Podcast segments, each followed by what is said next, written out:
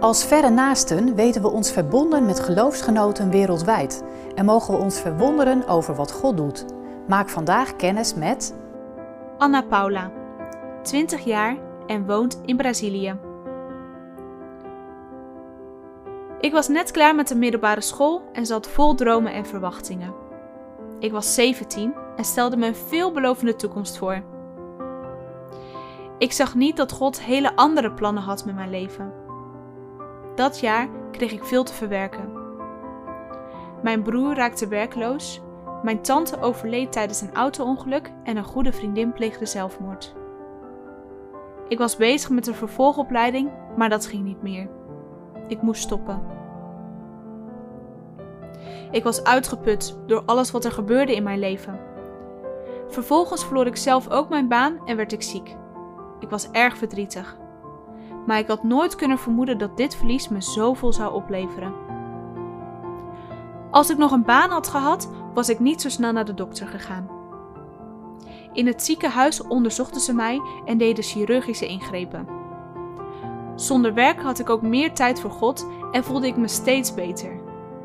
Ik kon meedoen aan verschillende activiteiten in de kerk.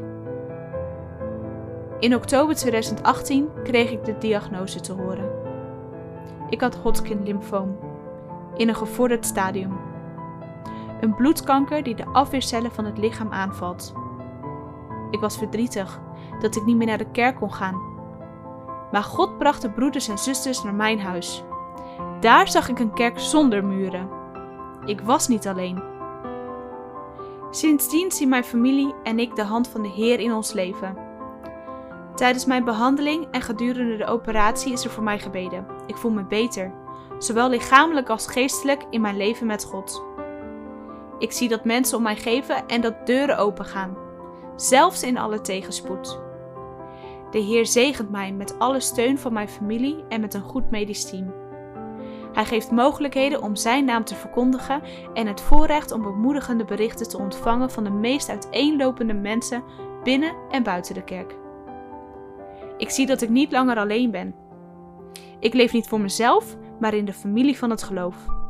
Geloof in Jezus Christus. Zoals geschreven staat in 2 Korintiërs 4, vers 8 en 9: We worden van alle kanten belaagd, maar raken niet in het nauw. We worden aan het twijfelen gebracht, maar raken niet vertwijfeld. We worden vervolgd, maar worden niet in de steek gelaten. We worden geveld, maar gaan niet te gronden. Prachtig toch wat God wereldwijd doet? Steun geloofsgenoten wereldwijd, zodat zij in eigen taal, eigen cultuur en omgeving Gods bevrijdende boodschap mogen bekendmaken in woorden en daden. Ga voor meer informatie naar verrenaasten.nl/slash ikgeloof.